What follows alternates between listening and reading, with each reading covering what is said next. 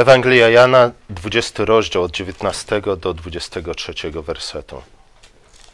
Zacznijmy od ostatniego wersetu, od 23.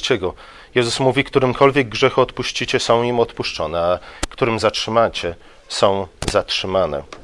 Myślę, że nie powinniśmy ograniczać tego, e, tych słów do tylko i wyłącznie jakiegoś abstrakcyjnego e, zmazania win.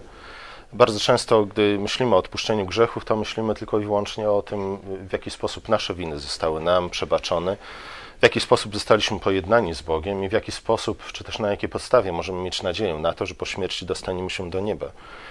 Ale jeśli weźmiemy kontekst Pisma Świętego, to zobaczymy, że, że grzech jest o wiele szerszym pojęciem i pojednanie z Bogiem, czy też odkupienie jest też o wiele szerszym pojęciem. Przede wszystkim myśląc o grzechu, powinniśmy myśleć o, o upadku, o tym, co wydarzyło się pod drzewem poznania, dobra i zła, już na samym początku.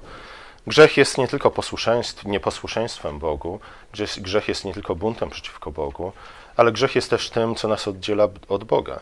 Jak pamiętacie, po upadku Adama i Ewy Bóg wygonił ich ze swojego ogrodu, postawił straże u jego bram, tak aby ludzie nie mieli dostępu nie tylko do drzewa poznania, ale także do drzewa życia. Bóg nie chciał, aby człowiek, który e, bez Boga, w opozycji do Boga, sięgnął po władzę nad światem, żył wiecznie. Bóg nie chciał, aby człowiek, taki człowiek, zbuntowany człowiek, mając władzę nad światem, żył wiecznie i w ten sposób napełnił cały świat nie chwałą Stwórcy, ale wszelką nikczemnością.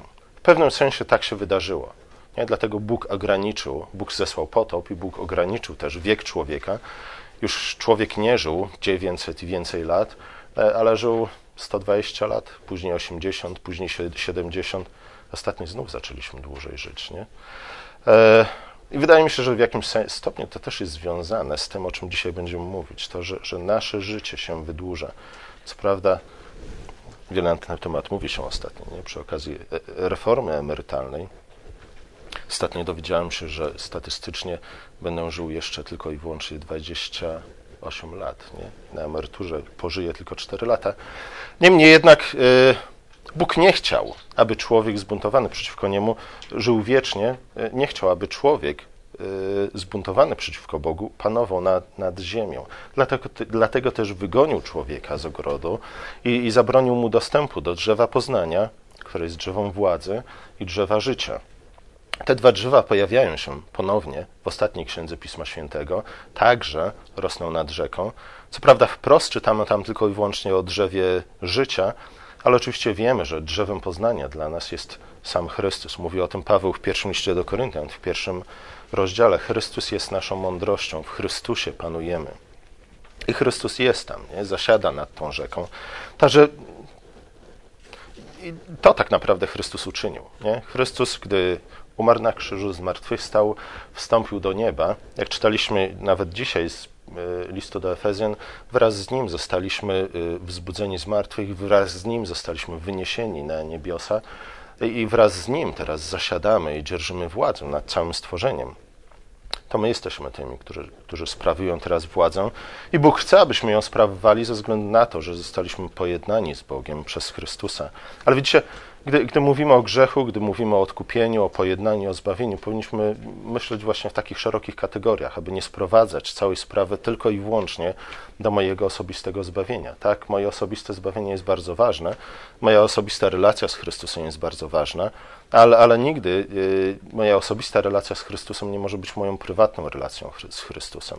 Bóg chce, abyśmy łaską, którą od Niego otrzymaliśmy, abyśmy dary, które od Niego otrzymaliśmy, y, przekazywali dalej, abyśmy napełnili tą łaską i poznaniem Bożej chwały całe stworzenie, abyśmy nie uciekali przed e, odpowiedzialnością, zadaniem, ale też chwałą, jaką Bóg nam jakimi Bóg nas obdarzył w Chrystusie. I wydaje mi się, że, że o tym jest mowa. Gdy Jezus mówi najpierw e, stwierdza, posyłam was na cały świat, później udziela im swojego ducha i później udziela im tego, co y, zwykle w teologii nazywa się władzą kluczy, z władzą od, odpuszczania i zatrzymywania grzechów. Nie? Innym, innymi słowy, Jezus mówi, słuchajcie, kontynuujcie moje dzieło, nie? idźcie. Nie? Odpuszczanie grzechów jest tutaj tylko i wyłącznie, jest taka figura stylistyczna, nie? E, w której zwracając uwagę, czy też powołując się na, na część całości, chcemy zwrócić tak naprawdę uwagę na całość. Nie? Grzech jest tylko pewnym hasłem, które powinny, powinien przypomnieć nam to wszystko, co grzech spowodował. Nie? A grzech przede wszystkim odciął nas od Boga, ale też odciął nas od wszelkich darów i błogosławieństw nieba. Nie? Od drzewa życia i od drzewa poznania. Tego nam brakuje, abyśmy mogli sprawować e, w sposób godny osób stworzonych na podobieństwo, na obraz Boga, władzę nad, nad światem. Jezus, Jezus, innymi słowy, mówi: Przywracam wam tę władzę. Nie, teraz mówiliśmy o tym wiele, nie będę się na tym roz, nad tym rozdrabniał, ale mówiliśmy o tym, iż, iż e, w tej chwili nie ma już cherubów z wirującymi świetlistymi mieczami, którzy by pilnowali drogi do, do ogrodu, do drzewa poznania i do drzewa życia. Każdej niedzieli przychodzimy do tego ogrodu, by spożywać z tych dwóch, dwóch drzew. Nie? A więc Chrystus przywrócił nam dostęp do, do bogactw i do błogosławieństw niebios, tak jak czytaliśmy dzisiaj, czy tak jak ja czytałem dzisiaj, w absolucji, w zapewnieniu o przebaczeniu nam. E, pierwszy, drugi rozdział listu do Efezjan dokładnie o tym mówił. A zatem Bóg udziela władzy Kościołowi. Nie, nie tylko swoim uczniom, ale, ale też całym, całym Kościołowi. Oczywiście powinniśmy wiedzieć, jak mamy rozumieć to, to słowo Kościół. Nie? Tu nie chodzi tylko i wyłącznie o, o, o papieża, nie? Czy w ogóle nie chodzi o papieża. Jeśli chodzi o papieża, to tylko i wyłącznie jako część Kościoła. Tu chodzi o Kościół jako ciało Chrystusa. Tu chodzi o tych wszystkich, którzy zostali ochrzczeni w imię Chrystusa i ci, którzy trwają w przymierzu z Bogiem. Tym Chrystus udzielił władzy kluczy. Tym Chrystus udzielił swoją władzy, aby nie tylko e, zwalczali wszelkie złe moce, które jeszcze się pałętają po ziemi, ale także dokończyli to dzieło, które Bóg powierzył Adamowi. E, zapanowali nad ziemią i napełnili ją poznaniem i chwałą Stwórcy. I, I, w tych kategoriach też y, bardzo często Nowy Testament opisuje to, co się dzieje, gdy człowiek dostępuje odkupienia, osobistego odkupienia. I tak na przykład w, gdzie to jest napisane, w liście do Kolosan, w pierwszym rozdziale, Paweł opisuje dzieło zbawienia nie właśnie jako abstrakcyjne czy też y, indywidualne pojednanie z Bogiem, lecz jak, jako wyrwanie spod władzy ciemności i przeniesienie do królestwa Jego Syna. Nie? Jeśli jesteśmy pojednani z Bogiem, to oznacza, że jesteśmy przeniesieni do Jego królestwa. E, grzech nad nami nie panuje, szatan nad nami nie panuje, panuje nad nami Chrystus Król. I właśnie e, wydaje mi się, że, że to miał na myśli. Nie? O tym, abyśmy wyrywali ludzi spod władzy ciemności i przenosili ich do Królestwa Bożego Syna, gdy mówił o odpuszczaniu grzechów, czy też o zatrzymywaniu grzechów. Teraz w jaki sposób ta władza ma się realizować, w jaki sposób mamy, mamy to czynić. Nie? Oczywiście w najprostszy sposób, przebaczając sobie nawzajem. Chrystus y, w Ewangelii Mateusza, zdaje się, że to jest szesnasty rozdział, nie? E, tam te słowa o przebaczaniu, czy też o, o, odpuszczaniu i zatrzymywaniu grzechów pojawiają się w kontekście właśnie e, pojednania między ludźmi. Nie? Do tego powinniśmy dążyć. Paweł mówi, o ile to od was zależy, z wszystkimi zachowujcie pokój, z wszystkimi pokój miejcie.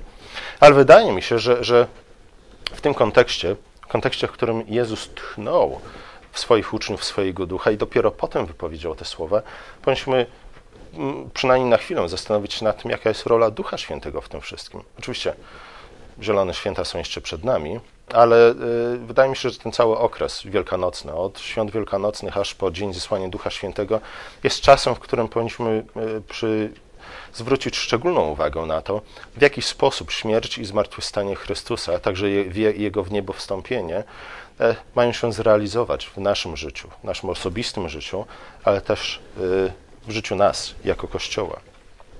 A więc ta władza, którą sprawujemy, e, władza, która ma na celu zapełnienie całego stworzenia chwałą Stwórcy, jest związana z Duchem Świętym. Bez tego ducha nie, nie bylibyśmy w stanie tego uczynić. I to też e, nie powinno nas zaskakiwać. Nie, nie tylko dlatego, że, że duch jest e, Piśmie Świętym przedstawiony jako moc, ale też z tego względu, iż duch jest e, obecny wszędzie tam, gdzie Bóg czyni coś nowego. Już przy stworzeniu świata duch jest obecny. Duch unosił się nad, nad wodami. Duch był tym moglibyśmy powiedzieć, nośnikiem słowa, które stworzyło świat. Duch pojawiał się wszędzie tam, gdzie Bóg zaczynał coś, coś nowego. Duch był obecny przy poczęciu Chrystusa, duch był obecny przy Jego chrzcie, duch był obecny przy Jego zmartwychwstaniu i duch to od samego początku towarzyszy Kościołowi w realizacji Jego, jego misji. Bardzo wiele moglibyśmy mówić na temat ducha i pewnie jeszcze wiele o tym powiemy. Jego służba jest wieloaspektowa. Ja dzisiaj chciałbym się skupić na jednym tylko aspekcie, e, o którym już wspomniałem. Nie? Duch jest nośnikiem słowa od samego początku. Duch występuje razem ze słowem i duch jest tym, który przynosi, komunikuje nam, nam słowo. Oczywiście Bóg stworzył świat przy pomocy swojego słowa i też powinniśmy pamiętać o tym, że gdy mówimy o słowie, gdy Jan w prologu do swojej Ewangelii mówi o, o, o słowie, które stworzyło świat, powinniśmy pamiętać o tym, iż nie jest to przede wszystkim pojedyncze słowo, nie? Raczej jest to mowa. To są całe zdania. I rzeczywiście, gdy czytamy opis stworzenia, widzimy, że, że Bóg nie, powiada, nie wypowiada jednego słowa, nie mówi nie wiem, jakie słowo mógłby użyć, abracadabra na samym początku, nie, żeby stworzyć świat. Nie. To słowo jest, jest opisem rzeczywistości, która ma powstać. I zobaczcie, w ten sposób też słowo funkcjonuje u, u proroków. Prorocy są tymi, którzy wypowiadając pod natchnieniem ducha boskie słowa, tworzą nową rzeczywistość. Świat staje się taki, jakim, jakim opisują go prorocy. Nie? Wizje prorockie nie, nie funkcjonują w ten sposób, że, że Bóg zabiera proroków w jakąś machinę czasu, wehikuł czasu, e, wiezie ich tysiąc lat do przodu, pokazuje im, jaka będzie rzeczywistość, później oni wracają i opisują to. Nie. Gdy prorocy wypowiadają prorockie słowa, tej przyszłości jeszcze nie ma. Nie? Oni wypowiadając te słowa, stwarzają tę rzeczywistość, stwarzają przyszłość to brzmi być może dla nas trochę bałwochwalczo, nie? Bo, bo wydaje nam się, że tylko duch jest w stanie w sposób twórczy wypowiadać słowa, ale jak zastanowimy się nad tym chwilą, to e, nie powinno nas to w żaden sposób niepokoić ani gorszyć, ale, ale wręcz przeciwnie, nie powinno być to dla nas wielką zachętą. E, Bóg od, od, przynajmniej od szóstego dnia po stworzeniu świata zaczął posługiwać się człowiekiem w realizacji swoich e, twórczych i zbawczych celów. Nie? Szóstego dnia Bóg powiedział do Adama: Słuchaj, Adamie, od tej pory ty będziesz kontynuował dzieło, które ja ci powierzyłem. I dlatego też Bóg tchnął w Adama swojego ducha. Nie tylko po to, żeby go ożywić, ale także, aby Adam czynił to dzieło pod natchnieniem ducha, pod kierownictwem ducha. Człowiek od tej pory był w pewnym sensie wcielonym Słowem Bożym prowadzonym przez ducha, w mocy ducha, kontynuującym dzieło, które Bóg tworzy. Ale zobaczcie, nie, musimy, nie musimy sięgać aż tak, aż tak daleko, czy aż tak wysoko, żeby, żeby to zrozumieć. Każde słowo, które wypowiadamy, tworzy rzeczywistość. Zgadza się? Nie? E, mamy, mamy jakiś sekret, mamy jakąś tajemnicę. W momencie, gdy ją ujawnimy, świat jest już inny. Nie, nie, nie jesteśmy w stanie nie wiem, czy oglądaliście Heroesów.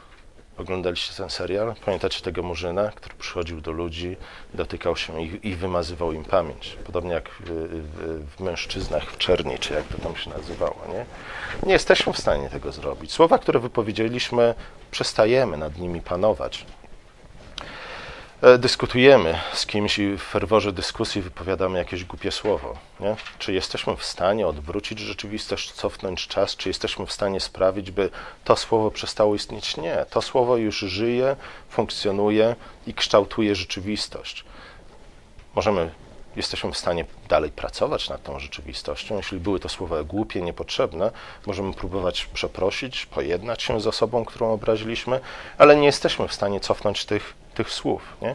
Także każde nasze słowo tworzy rzeczywistość, nową rzeczywistość. Każde wypowiedziane słowo e, sprawia, że świat nie jest już więcej takim, jak był poprzednio.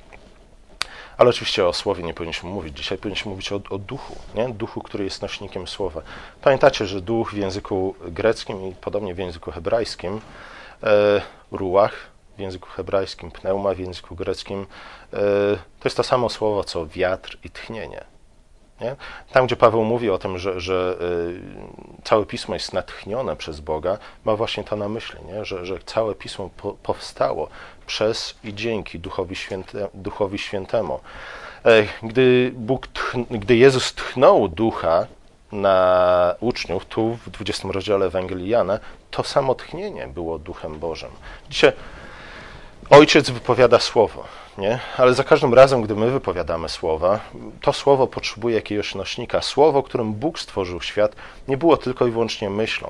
Nie funkcjonowało tylko i wyłącznie w umyśle Bożym, ale zostało wypowiedziane. Zostało wypowiedziane w pustkę. Nie? Bóg stworzył świat z niczego, ale dzięki wypowiedzeniu tego słowa w pustkę świat powstał.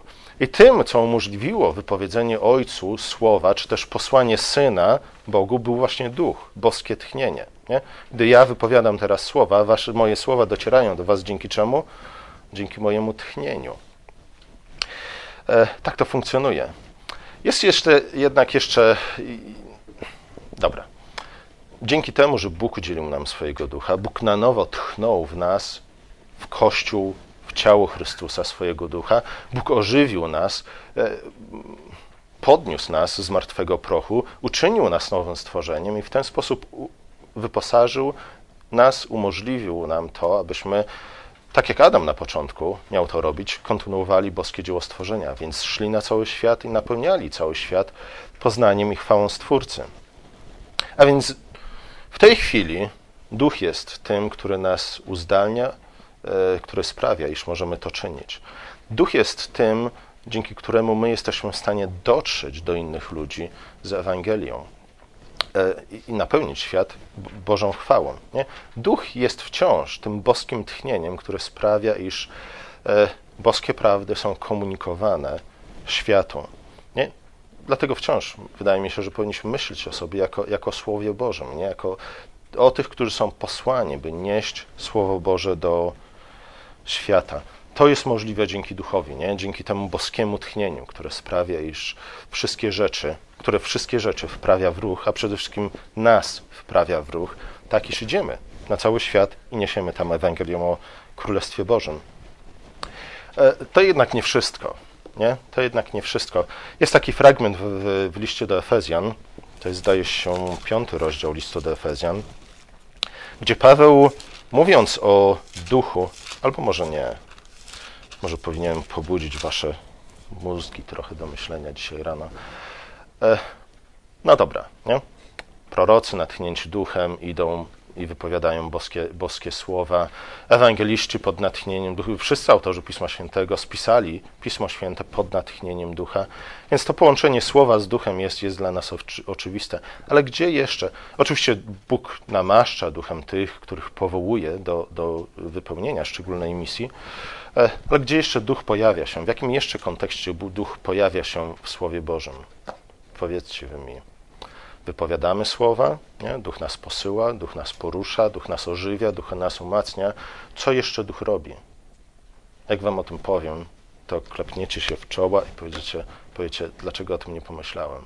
Gdzie jeszcze duch się pojawia? Przy jakiej okazji? Bardzo ważnej okazji, bardzo znaczącej okazji. Co jeszcze duch sprawia? W jaki sposób duch. Y, w jaki sposób jeszcze jesteśmy w stanie, oprócz wypowiadania boskich słów, oprócz głoszenia Ewangelii naszym słowem, e, być nośnikiem Bożego Słowa. Chyba nie naprowadzę Was na nic. Dobra.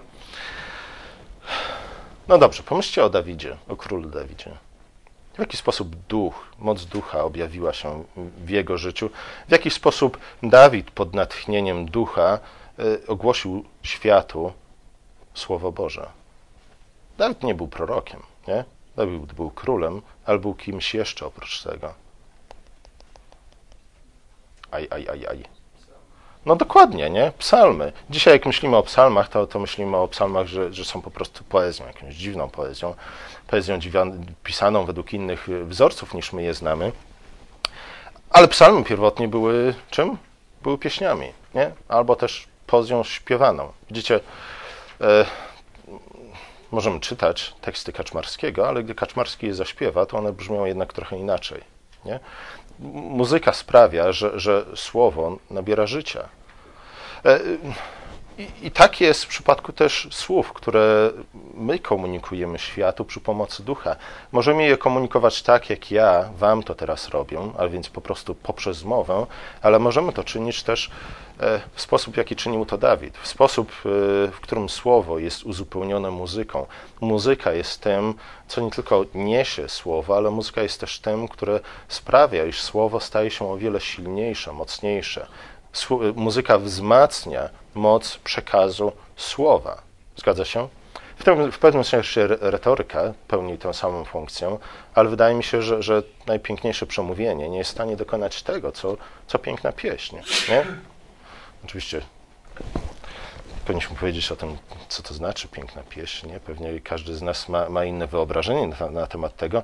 Mam nadzieję, że przyjdziecie za tydzień na nasze nabożeństwo. Po, po nabożeństwie będziemy mieli katechezę, którą poprowadzi Jim Jordan i on powie coś na temat muzyki w kontekście Kościoła.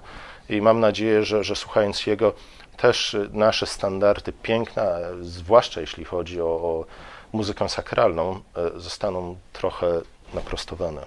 Ale to za tydzień. Dawid był muzykiem. Nie? Pamiętamy, pamiętamy o tym, albo nie, o tym powiem, albo powiem teraz o tym. E, pamiętacie pierwsze spotkanie Dawida z Saulem? E, jakie to było spotkanie? Grał, nie? Zanim pokonał Goliata, e, Saul, pamiętacie tę historię? Saula dręczyły złe duchy, dręczyły go demony.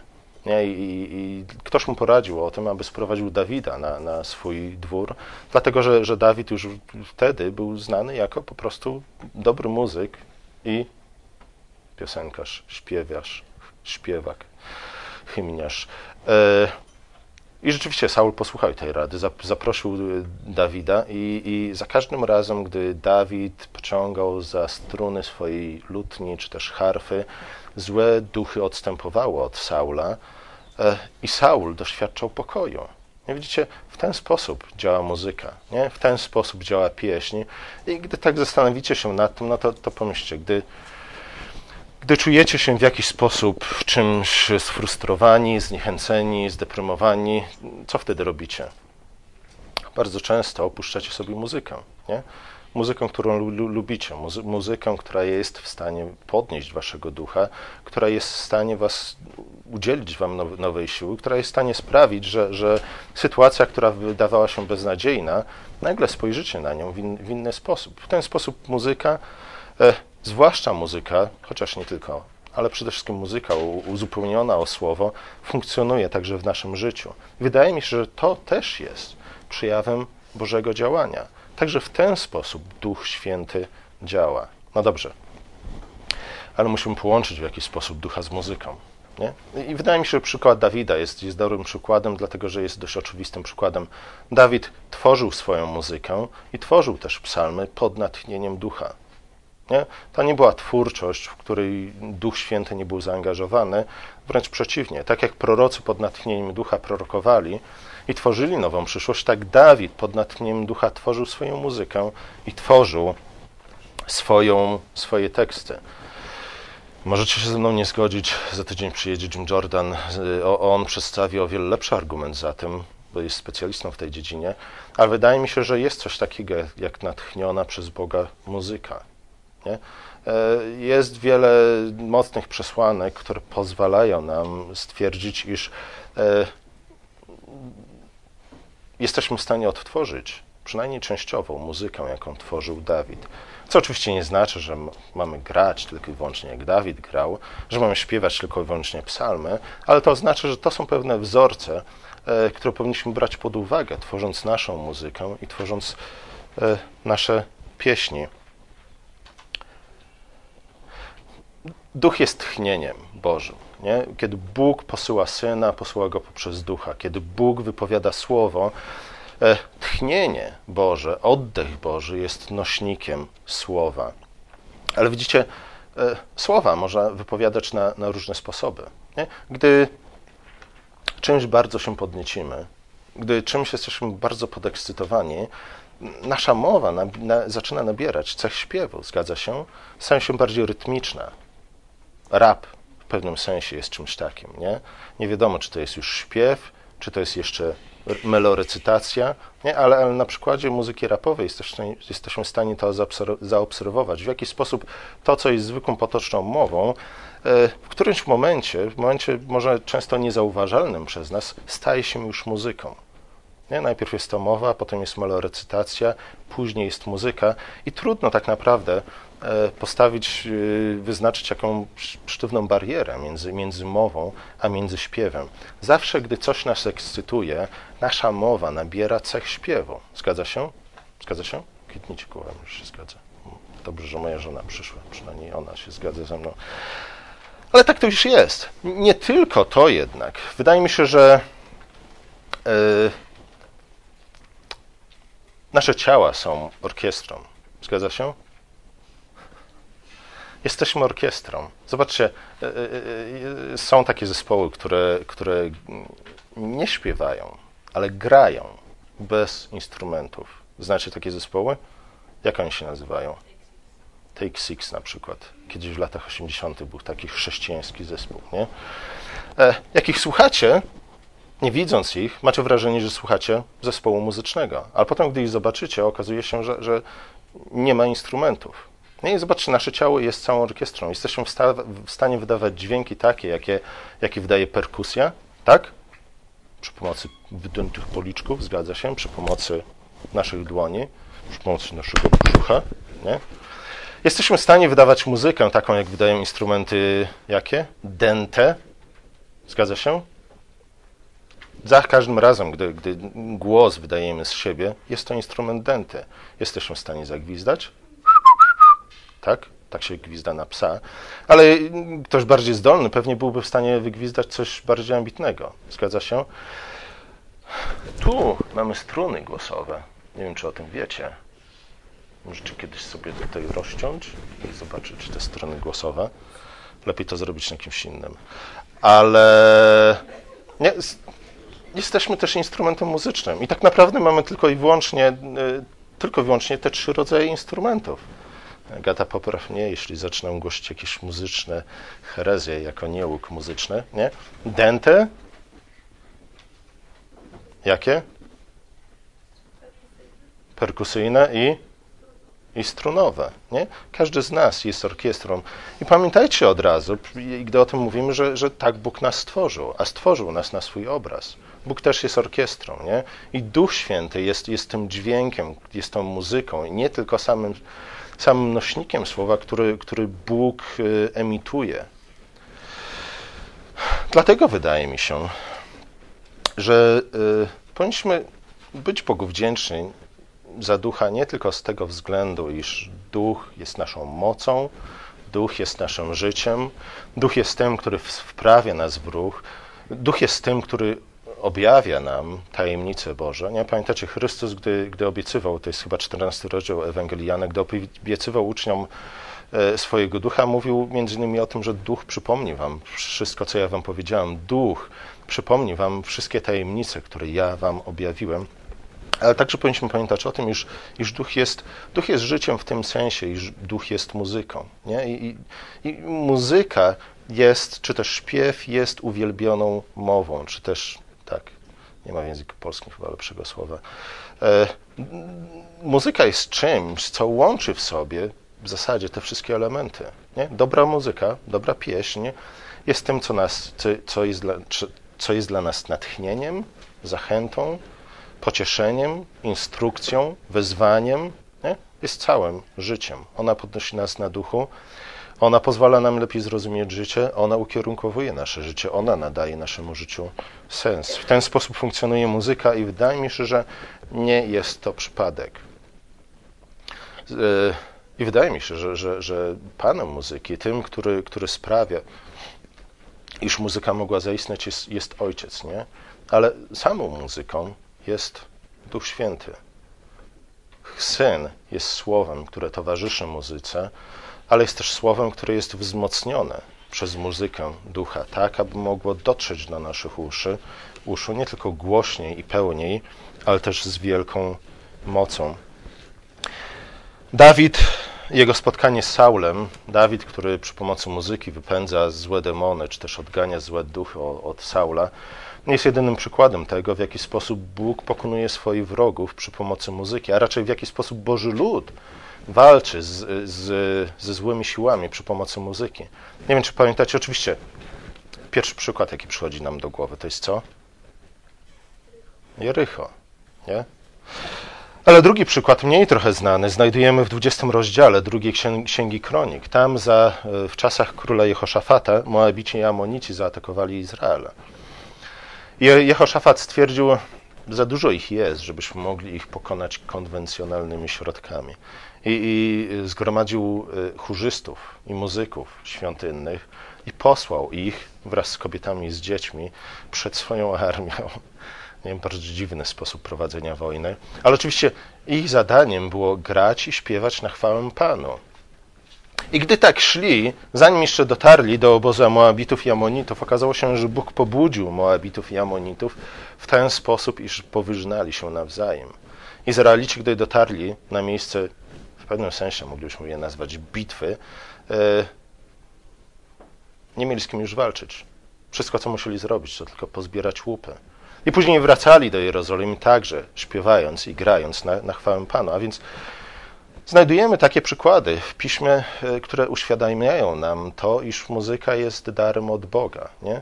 Duch jest tym, który, który umożliwia i sprawia i tworzy muzykę. E, I powinniśmy wykorzystywać także ten aspekt dzieła Ducha Świętego w naszym życiu, w naszym codziennym życiu, ale także w, ży w życiu nas jako Kościoła. E, to jest dar, który Bóg nam dał. Powinniśmy go wykorzystywać powinniśmy pamiętać o tym, e, jak wielką moc niesie z sobą. Na koniec chciałem Was zachęcić do tego, abyście, już nie będę Wam tego czytał, czas się kończy. Macie w domu Silmarilliona Tolkiena? Macie? Jak nie macie, pożyczcie. Przeczytajcie pierwszą stronę, albo pierwsze dwie strony. Tam znajdziecie opis stworzenia świata. Oczywiście nie naszego świata, e, świata wymyślonego, niemniej jednak świata bardzo podobnego do naszego, dlatego że świata rządzącego się tymi samymi, tymi zas samymi zasadami, co nasz świat. W tamtym świecie złem jest to samo, co w naszym świecie jest złem, i dobro też jest tym samym, co w naszym świecie. Tam y, Tolkien opisuje stworzenie świata właśnie przy pomocy muzyki i śpiewu. Przeczytajcie sobie to i zobaczcie. Y, wydaje mi się, chodzi nie tylko o to, abyśmy się zachwycili nad Tolkienem, nie nad jego umysłem, nad jego twórczością, ale wydaje mi się, że jest to jeden z bardzo pomocnych sposobów opisu stworzenia świata. Y, pomocnych w tym sensie, że, że dzięki niemu jesteśmy w stanie lepiej, pełniej zrozumieć to, co wydarzyło się rzeczywiście w tygodniu stworzenia, a przede wszystkim to, jaką rolę odegrał w tym wszystkim Duch Święty, Duch, który jest e, twórcą czy też dawcą muzyki. Przeczytajcie sobie to w domu, myślę, myślę że warto. Zwłaszcza, że ten opis po, pokazuje nam też, ukazuje nam zmianę, jaka się dokonała wraz z przyjściem Chrystusa i wraz z posłaniem Ducha, Ducha Świętego. Tam najpierw Iluwatar na, natchnął, czyli Bóg natchnął Ainurów, prawdopodobnie aniołów w tamtym przypadku, ale wydaje mi się, że my raczej powinniśmy ich odbierać w naszym świecie jako, jako ludzi. Natchnął im, poddał im pewne tematy muzyczne, które, które oni mieli rozwinąć. I najpierw Ainurowie śpiewali w pojedynkę, później w grupkach, w którymś, i oczywiście ta muzyka cieszyła Iluwatara, ale w którymś, w którymś milczeniu e, Iluwatar poddał im temat, z którego, czy też objawił im temat muzyczny, z którego mieli rozwinąć wielką muzykę. I to było mo możliwe z tego względu, iż Ainurowie e, nie tylko wcześniej ćwiczyli śpiew i granie, najpierw pojedynkę, potem w grupach, ale też gdy ćwiczyli ten śpiew i tę muzykę, E, byli w stanie coraz lepiej i coraz pełniej zrozumieć ogólny temat. Byli w stanie coraz lepiej i pełniej zrozumieć objawienie Iluwatara. I w momencie, w którymś momencie Iluwatar e, poddał im jeden temat, który mieli rozwinąć wspólnie, jako cała wspólnota i stworzyć to, co, co Tolkien nazywa wielką muzyką. W tym celu natchnął ich niezniszczalnym płomieniem. Nie? Oczywiście Duch Święty, ale też powiedział do nich: Słuchajcie, e, to nie znaczy, że wy macie wziąć tylko temat, który wam poddałem, muzyczny temat. E, i powtarzać go w nieskończoność. Powiedział: Możecie, jeśli chcecie, wzbogacić temat własnymi myślami i pomysłami, a ja będę słuchał i radował się, że za waszą sprawą wielkie piękno wcieli się w pieśń. Nie? I, I to jest też myśl, którą znajdujemy w Piśmie Świętym. Gdy Jezus obiecał uczniom Ducha Świętego, powiedział jednocześnie, iż ten Duch Święty sprawi, iż uczniowie będą w stanie czynić rzeczy większe i chwalebniejsze niż to, co uczynił Chrystus. Nie?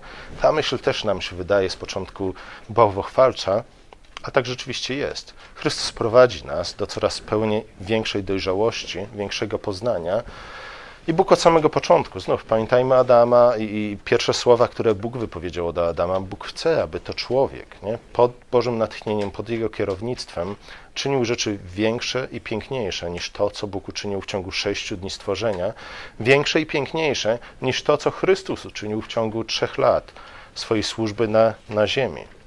Nie, I rzeczywiście, jak czytam dzieje apostolskie, widzimy to. Uczniowie nie tylko dokonują większych cudów niż te, które dokonał Chrystus, ale uczniowie też są w stanie dotrzeć nie, nie tylko do Jerozolimy, ale dotrzeć do, do Rzymu, do, do stolicy imperium z Ewangelią i tam zanieść chwałę Boga. Zachęcam Was do, do przeczytania tego fragmentu, ze względu na to, iż y, to, o czym pisze Tolkien, zresztą u, u C.S. Lewisa znajdziecie to samo, nie? Tam też w Siostrzeńcu Czarodzieje jest opis stworzenia świata właśnie przy pomocy muzyki i przy pomocy śpiewu. Nie wiem, kto od kogo spisywał. E, ale oni dzielili ten, e, podzielili się tym pomysłem. I dzisiaj wydaje mi się, że, że ważne jest to, abyśmy pamiętali o tych, o tych ogólnych, głównych schematach, nie? E, takich jak na przykład Tolkien to opisał, ze względu na to, że one są częścią tej, tego, co, co dzisiaj często w, litera, literaturoznawstwie nazywa się metanarracją. Słyszeliście o metanarracji? Pewnie słyszeliście. Nie? Jest to ogólna opowieść, która opowieść o świecie, nie? o naszym miejscu w nim, która pozwala nam zrozumieć nasze miejsce w świecie. Właśnie w świetle tej e, ogólnej opowieści, tej metanarracji, my jesteśmy w stanie zrozumieć świat, jego historię, ale też nasze miejsce w nim i nadać naszemu życiu pewne znaczenie i pe, pewien sens. Myślę, że, że dobrze jest pamiętać o, o, tych ogólnych schematach, nie? a więc dzieło stworzenia, to w jaki sposób Bóg odnawia swoje stworzenie, to w jaki sposób Bóg działa od początku do końca w historii. Nie? Wychwyćcie główne punkty tej historii, ponieważ w ich świetle też lepiej zrozumiemy to, co, co my sami, y, po co w ogóle jesteśmy na, na, na Ziemi. Pewien y, pewien brytyjski czy angielski teolog N.T. Wright, e, opisując, oczywiście, kiedy mówię na, na, temat tego fragmentu, od którego pierwotnie dzisiaj wyszliśmy, nie wiem dokąd zaszliśmy, e, oczywiście zwraca uwagę na różnicę, nie? też na różnicę między dziełem Chrystusa a dziełem Kościoła. Mówi, że pewnych, pewne rzeczy w przypadku Chrystusa były jednorazowe, Kościół w żaden sposób nie powinien próbować ich powtórzyć. Pokonanie szatana na krzyżu, nie? pojednania nas z Bogiem jest, jest, jest wydarzeniem jednorazowym. Niemniej jednak e, my jako Kościół możemy kontynuować, nie? możemy e, wprowadzać w życie skutki dzieła Chrystusa. I właśnie N.T. Wright, pisząc o służbie Kościoła, w kontekście tego fragmentu, posłania, czy też natchnienia Kościoła Duchem Świętym, też posługuje się muzycznym przykładem. Mówi, że Bóg jest jak kompozytor tworzący partyturę. Moglibyśmy dodać libretto, nie? Partytura w tym przypadku byłaby, zresztą jedno i drugie byłoby słowem. Kościół jako orkiestra jest orkiestrą wykonującą utwór na podstawie tej właśnie partytury. Jezus pokonał szatana i z powrotem wprowadził świat na właściwe tory. My zaś, naszym zadaniem jest zagospodarowanie świata według niebiańskich schematów.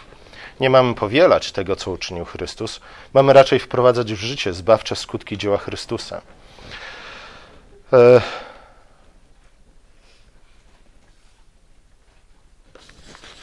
O ludzie, gdzie to jest? Czy to jest? Czy to jest? Zgubiłem tę kartkę. Nie, i oczywiście, e, jeśli jesteśmy orkiestrą, która gra, nie wiem, czy, czy ktoś z Was kiedyś widział Agata będzie w stanie nam więcej na ten temat powiedzieć. E, może ktoś inny, kto zajmował się muzyką. Gdy, gdy ktoś pisze symfonię, to oczywiście musi napisać noty dla każdego instrumentu. Zgadza się? Nie? I gdybyśmy wzięli nuty, czyli partyturę na przykład dla bębna i próbowali odtworzyć to w pojedynkę, bez pozostałych instrumentów, w jaki sposób by to brzmiało? Raz na 5 minut, nie? Byłoby bum bum i później cisza. Później po trzech minutach jakieś jedno bum, nie? I 10 minut ciszy. Potem cztery bum i, i 20 minut ciszy, nie? To nie brzmiałoby, zwłaszcza gdyby było wykonane, nie? W czasie takim, w jakim powinno być wykonywane, zbyt y, dostojnie, nie? zbyt pięknie. Raczej wydawałoby nam się, że jest to chaos. Oczywiście, gdybyśmy wzięli partię graną przez skrzypce, pewnie by to miało wiele więcej sensu, nie? Ale, ale bęben sam w sobie nie ma zbyt wiele sensu. Nie? nie ma w tym ani żadnego porządku, ani żadnej chwały. Wydaje nam się to być jednym wielkim chaosem, bezsensem. Gdybyśmy jednak pozba pozbawili partytury partii granej przez bęben, czegoś by w nie brakowało. Zgadza się? Nie? W któreś momenty symfonii nie wybrzmiałyby dokładnie tak, jak miałyby wybrzmieć. Zgadza się? Odczuwalibyśmy pewną, pewną pustkę albo brak czegoś istotnego. Nie? Wydaje mi się, że, że w ten sposób też powinniśmy postrzegać nasze życie i, i w tym okazuje się pomocna ta metanarracja. Nie? Być może Pan Bóg przypisał nam rolę nie pierwszego, pierwszych skrzypiec, nie? o czym wszyscy marzymy, ale rolę bębniarza albo bębna. Nie? I gdy patrzymy na nasze życie, nie? I, I tu okazuje się pomocne, czy też waga tego rozróżnienia na, na, Chrystusa osobistego i na Chrystusa prywatnego. Jeśli Chrystus jest, jest naszym Chrystusem prywatnym i, i Bóg przypisał na, nam rolę bębna w tej, w tej symfonii, którą napisał, nie? i gdy patrzymy na nasze życie i, i na to, co my jako bęben robimy, to nie ma sensu. Nie? To wygląda jak jeden wielki chaos. I oczywiście to jest najprostszy sposób na to, żeby się totalnie zniechęcić do wszystkiego, a już na pewno do Pana Boga i czynić Mu wyrzuty i mówiąc, Panie Boże, nie, wolałbym być skrzypcami, nie? A Pan Bóg mówi, ale jesteś najlepszym bębnem na świecie, nie? Albo też, ale jesteś najlepszym cymbałem na świecie, nie? A mówimy, nie, Panie Boże, cymbał to takie ale słuchajcie, nie? Do tego właśnie potrzebujemy Kościoła, nie? I do tego potrzebujemy metanarracji, po to, abyśmy spojrzeli na nasze życie w szerszym kontekście, nie? I, i, i spróbowali odnaleźć to, jaką rolę, i znów istotną, kluczową, odgrywamy w życiu Kościoła, a także w historii świata. Nie? Bez nas rzeczywiście czegoś by, by brakowało, więc nawet jeśli jesteś cymbałem w tym życiu, nie? bądź najlepszym cymbałem na świecie. Nie? I pamiętaj, że, że nawet największy cymbał może spełnić jakąś pozytywną rolę w historii świata. Pomódlmy się. Nasz drogi łaskawy Ojcze, dziękujemy Ci za Twojego ducha, dziękujemy Ci za to, że, że Ty natchnąłeś, że Ty poprzez Niego posłałeś swojego Syna, że Ty przez Niego natchnąłeś proroków i autorów Pisma Świętego, ale też, że, że Ty poprzez Niego dałeś nam muzykę. Dziękujemy Ci, Ojcze, za te wszystkie dobre dary i prosimy Cię o to, abyś też natchnął nim nas samych, abyśmy nie tylko pojęli te dary, które dajesz nam wraz z duchem, ale też abyśmy wiedzieli, w jaki sposób z nich najlepiej korzystać. Na Twoją chwałę, na chwałę Twojego Królestwa. Modlimy się w imieniu Twojego Syna. Amen.